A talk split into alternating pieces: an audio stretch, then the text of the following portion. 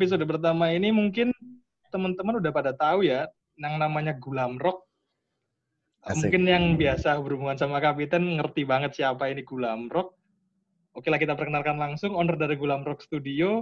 Selamat datang Mas Gulam. Halo Mas Radia, selamat malam. Bagaimana kabarnya? Alhamdulillah sehat-sehat. Mas Gulam sehat-sehat Mas. Sehat-sehat Mas, sehat-sehat selalu. Alhamdulillah.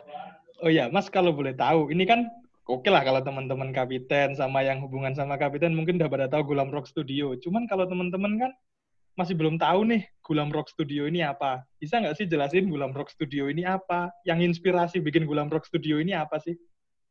Jadi awal mulai itu Gulam Rock Studio itu memang proyek pribadi sih Mas. Saya eh, apa ya melakukan freelance sendirian di bidang jasa desain grafis. Tapi eh, makin ke sini orderan makin numpuk mau nggak mau akhirnya saya harus eh, nyeper kerjaan itu ke tim. Saya harus cari tim. Akhirnya eh, saya terinspirasi juga sama studio studio-studio di luar negeri, studio desain terutama itu biasanya pakai namanya pemiliknya. Nah, akhirnya nama Gulam Rock inilah tak jadikan langsung menisan nama brand. Akhirnya ada logonya, ada apa ya namanya? Ya ada identitasnya layaknya brand-brand produk. Padahal ini jasa yang memang eh, kita kalau ngerjain apa ya, yang namanya jasa ini kadang kan nggak kelihatan gitu loh mas. Bentuk wujudnya itu nggak kelihatan. Kalau produk kan makanan ada gitu kan gitu. Hmm. Jadi Hmm. sebenarnya kepepet sih. Jadi eh, proyek personal yang dijadikan proyek personal yang dijadikan sebuah brand, sebuah brand yang di mana brand ini pastinya ada tim di situ, ada divisi-divisinya. Kayak gitu sih. Itu awalnya sih. Jadi kalau yang saya tangkap ini ini studio yang bergerak di bidang jasa sama brand. Nah, jasa yang dikerjakan dari Gulam Rock Studio ini apa aja sih kalau boleh tahu? Jadi jasanya itu, ya ini mung- mungkin Mas Radia juga eh, mungkin juga belum tahu juga mungkin ya. Hmm, Gimana? Itu ada-. Ada empat, ada empat Mas Radia. Jadi ada animasi, ilustrasi, konten Instagram sama konsultan branding. Nah, konsultan branding ini biasanya include dengan branding logo all in segala kebutuhan visual teman-teman yang punya brand kayak gitu. Jadi nggak hanya kita bikin desainnya, tapi kita juga nata bagaimana nanti eh, mereka sistem jualannya kayak gimana di Instagram itu kayak gimana kayak gitu. Kita kasih konsultasi eh, kepada brandnya kayak gitu. Nah, ini menarik nih. Tadi ngomong animasi, ilustrasi, konten. Kalau ketiga ini mungkin kan nggak jauh-jauh dari desain grafis ya. Nah, ini di antara tiga ini, saya kok lebih tertarik ini ke akar dari tiga ini kayaknya di keempat ini. Konsultan branding, terus tadi sempat keomong lebih ke gimana cara konsultasi visualnya. Itu gimana sih visual branding itu? Jadi visual branding ini kan sebenarnya merupakan sebuah eh, bidang yang apa ya menaungi identitas sebuah brand, mewakili identitas sebuah brand. Karena sebuah brand kalau nggak ada identitas nanti malah dia nggak punya yang namanya kalau di teori desain ataupun brand itu ada yang namanya USP, Unique Selling Proposition.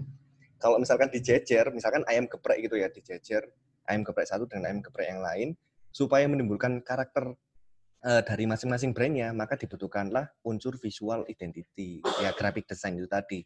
Macam-macam ada ilustrasi, ada ini, kayak gitu sih. Hmm, luas juga ya berarti ya. Luas banget sebenarnya.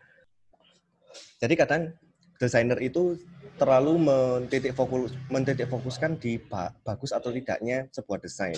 Tapi ada banyak yang menjadi tolak ukur selain itu, kayak itu tadi tekniknya. Ada juga psikologis desain, bagaimana orang lihat satu desain ini langsung kepancing untuk beli. Itu ada teorinya, kayak gitu. Oke, ini psikologis desain, terus ke fokus bagus tidaknya sebuah desain, berarti estetikanya desain ya. Nah, Estetika. menurut Mas Gulam sendiri ini, eh, kalau orang ngomong desain ya, kalau yang dibagi orang-orang awam kayak kami ini kan lebih ke kayak merchandise, lebih ke kayak desain produk, gimana-gimana itulah. Cuman, kalau menurut Mas Gulam sendiri ini, bisnis, pentingnya bisnis dan visual branding bagi bisnis itu sendiri, seberapa pentingkah menurut Mas Gulam? Nah, itu yang akhirnya kita eh, meeting, kita punya punya kegiatan aktivitas meeting, kita harus ketemu. Jadi nggak hanya nalar. Kalau kami di studio itu, kami nggak nggak semata wayang kayak misalkan ada klien A gitu ya, saya membutuhkan logo mas gitu. Kami nggak semata wayang, oh logo yang kayak gimana, enggak. Kita harus ketemu. Kita harus brainstorming bareng-bareng. uh, supaya kita ketemu kebutuhan klien dengan apa yang sudah menjadi riset di tim kami itu uh, selaras dengan tujuan mereka. Jadi nggak ngawut. Jadi bisnis bisnis mereka jalan, identitas mereka juga jalan. Apalagi sekarang kan kalau misalkan kita bisnis lewat apa ya uh, melalui idealis yang kita berikan, kayaknya nggak worth it banget gitu loh. Makanya kayak apalagi ya sorry itu sih klien-klien yang emak-emak kayak gitu tuh kan apa ya suka permintaannya aneh-aneh gitu loh. Nah, permintaannya aneh-aneh kadang kadang minta A, minta B, minta Z, tapi permintaan pasar nggak kayak gitu kenyataannya di lapangan. Nah, kamilah di situ yang jadi penengah kayak gitu loh. Lewat visual branding dan jasa-jasa yang kami berikan gitu. Oke, okay, ya emang bener sih. Dulu teman-teman uh, rata-rata nggak dikit sih, cukup banyak teman-teman yang uh, minta jasa ke desainer buat bikin brandingnya gimana, ending-endingnya sih ngikutin stylenya desainernya yang nggak iya. diharamkan. Nah. Cuman kan nggak semua sesuai sama style desainernya juga kan, bisnisnya apa, Benar. makanya cocok ya. Di studio kami itu kami nggak pernah kayak mentitik fokuskan di style mana, style mana itu enggak. Semuanya kami hmm. pelajari dengan tolak ukur yaitu tadi riset, riset hmm. kebutuhan klien. Misalkan si klien ini ternyata anak muda, nah anak muda sekarang itu hype-nya kayak gimana, gaya-gaya visualnya kayak gimana gitu. Nah, berarti kalau misalnya uh, dari desain visual brandingnya sendiri suatu produk harus dikuatkan, uh, apakah bisa berjalan seiringan? Kalau suatu bisnis itu lebih fokus ke pengembangan produknya dulu atau ke visual brandingnya dulu? Gak bisa satu persatu, harus beriringan. Hmm. Tapi yang menjadi saya punya kendala dulu ada istilah namanya rebranding. Rebranding ini adalah membranding perusahaan yang sudah berjalan. Itu kan berarti kan sudah ada perusahaannya. Nah, itu malah lebih susah karena ya kayak kapiten sendiri lah katakanlah. Itu uh, agak susah karena memposisikan brand ini sudah dikenal banyak orang. Hmm. Jadi posisi brand ini sudah dikenal banyak orang. Kalau itu nggak berjalan beriringan ataupun salah satunya ada yang ada yang fokus di visualnya terus di pengembangannya ya ya makanya nanti jadinya blunder nggak nggak nggak total jadinya menurut saya sih saya pribadi harus beriringan pengembangan hmm. juga jalan hmm. visual identitasnya juga jalan kayak gitu kalau di studio dua-duanya itu sepaket hmm. jadi service yang kami berikan itu sepaket jadi kayak misalkan teknik marketingnya kayak gimana terus uh, visual identitasnya nanti kayak gimana itu sepaket. Jadi kami nggak selalu melepaskan itu. Nah, saya sempat bertanya-tanya dulu. Hmm. Padahal desainer di Malang Raya ini itu banyak yang lebih bagus kalau kita lihat dari estetikanya hmm. yang kami kerjakan. Tapi kok banyak sekali kayak brand-brand yang uh, nasional itu pesannya di saya kayak Transmart dan lain-lain kayak gitu kan. Oh. Ngapain gitu loh pesen ke aku loh. Sedangkan kan banyak PH-PH di Jakarta yang yang yang apa ya, yang pengalamannya jauh lebih bagus daripada kami gitu loh. Akhirnya ke tracking, nah itu kita punya service yang beriringan itu tadi dua-duanya kami kami handle karena nggak menitik fokuskan di di bagus atau jeleknya visualnya gitu. Itu nomor sekian sih sebenarnya. Hmm. Oke. Okay. Gitu Jadi emang fokus uh, fokus di visual branding emang penting ya. Kalau terutama tadi kan udah ada yang perusahaan existing, terutama kalau perusahaan baru apalagi ya buat bikin identitas itu eh, nggak uh, kalah penting sama pengembangan produk itu sendiri ya. Benar sekali. Nah, terus kalau kayak sekarang ini nih, kayak pandemi, kan banyak banget pelaku usaha baru pakai inovasi-inovasi, di mana sebenarnya kan inovasinya mereka ini nggak kalah sama pemain lama. Nah, kalau oh, menurut Mas Gugam nih, benar sekali itu. Malah menjadi saingan. Bagi mereka ini strategi visual brandingnya yang pas buat mereka-mereka yang mau mulai usaha atau yang baru banget mulai usaha di kala pandemi ini gimana? Satu konsisten di Instagram. Secara secara track record Instagram itu salah satu sosial media yang worth it buat jualan. Di lain market marketplace marketplace yang sudah disediakan sama beberapa apa ya beberapa orang yang menciptakannya kayak Bukalapak, Tokopedia dan lain-lain itu kan marketplace yang memang apa ya uh, tujuannya untuk untuk eksistensi di platform itu. Tapi kalau di tracking kalau kita bicara masalah newcomers di, di dunia bisnis, apalagi bisnis kreatif kayak gitu, Instagram ini salah satu hal yang worth it banget untuk jualan. Di situ banyak fiturnya, kayak kita bisa main hashtag, paid promote, apalagi kayak yang dilakukan kapiten itu ya, paid promote Aduh. ke mahasiswa. Nah, iya, iya, kayak iya. gitu kan. Jadi bocor ya. Dibocor. Oke, apa-apa, lanjut aja. Senang saya. Nah, Nah, kayak gitu kan bisa menjadi teknik dan itu harganya nggak mahal amat gitu loh. Kita punya budget sekitar 20 ribu katakanlah. Ataupun ya 100 ribu untuk biaya marketing, budget promo. Daripada, ya kalau dulu ya, brand-brand teman-teman saya uh, paling banyak nyponsori kegiatan-kegiatan yang relatif dengan brandnya. Kalau sekarang, kalau menurutku, itu useless deh. Karena lebih baik digunakan untuk paid promote. Karena paid promote ini jangkauannya luas Apalagi di Instagram kita bisa milih umur, milih lokasi, dan itu ke tracking secara otomatis. Brand kita lebih banyak dikenal. Okay. Lebih mudah dikenal gitu sih. Dan itu konsisten di Instagram ya buat track record ya. Nah, sekarang Harus itu. konsisten di Instagram. Kalau konsisten di Instagram, otomatis itu gimana caranya menarik kan? Gimana caranya menarik orang kan? Nah, buat pelaku-pelaku usaha yang baru nih, selain buat hashtag, selain bikin paid promote, cara bikin visualnya mereka keren, yang sederhana aja. Ini di luar bisnisnya loh ya, di luar bisnisnya luar bisnis ya, di luar bisnis ya. Cara yang sederhana aja gimana? Saya tadi tertarik juga sih sama yang kata-kata Mas Gulam, psikologi desain. Nah, kalau ngomongin psikologi desain sama hal yang mendasar buat para pelaku usaha baru-baru nih gimana? Sepengalaman saya di hmm. Indonesia, desain itu bagus itu relatif kan. Betul. Baik atau jeleknya desain itu relatif tergantung sudut pandang. Tapi ada satu yang menjadi poin utama, ada satu unsur yang menjadi poin utama di desain kita supaya engagement lebih naik, yaitu adalah unsur keterbacaan di dalam desain itu.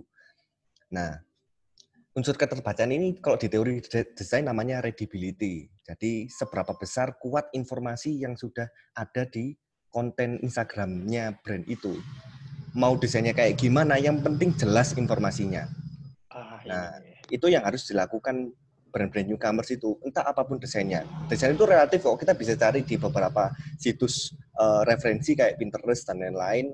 Ya, sekarang masalah originalitas sekarang udah nggak udah nggak ini ya, udah nggak menjadi tolak ukur ya, kayak gitu loh.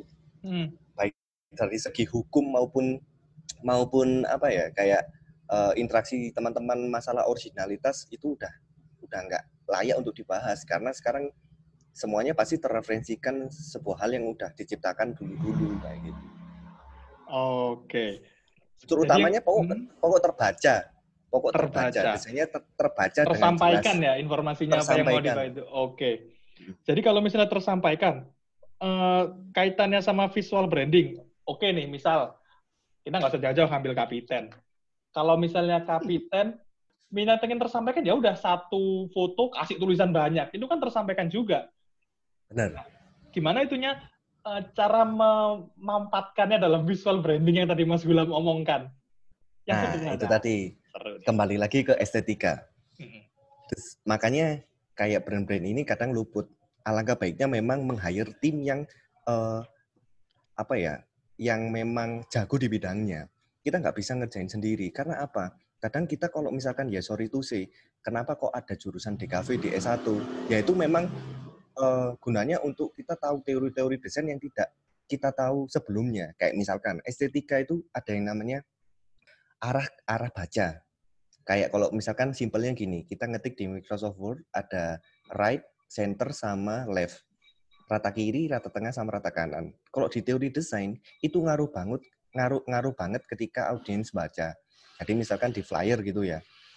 Jadi estetika yang seperti apa yang paling paling apa ya paling bagus untuk menarik engagement audiens itu ada teorinya. Nah itu nggak bisa semata wayang orang awam yang lakuin. Kita harus meng tim. Kecuali orang awam itu memang belajar entah itu dari workshop atau dari buku dan lain-lain kayak gitu. Hmm. Simpelnya kayak gitu. Oh berarti pada intinya ini kalau misalnya emang mau serius ya udah sekalian terjun, cari orang yang berpengalaman sekalian. di bidangnya sekalian. Bener. Soalnya gini kan, kalau kita kalau kita oke okay lah, kita kita bicara masalah newcomers uh, orang yang baru bikin brand.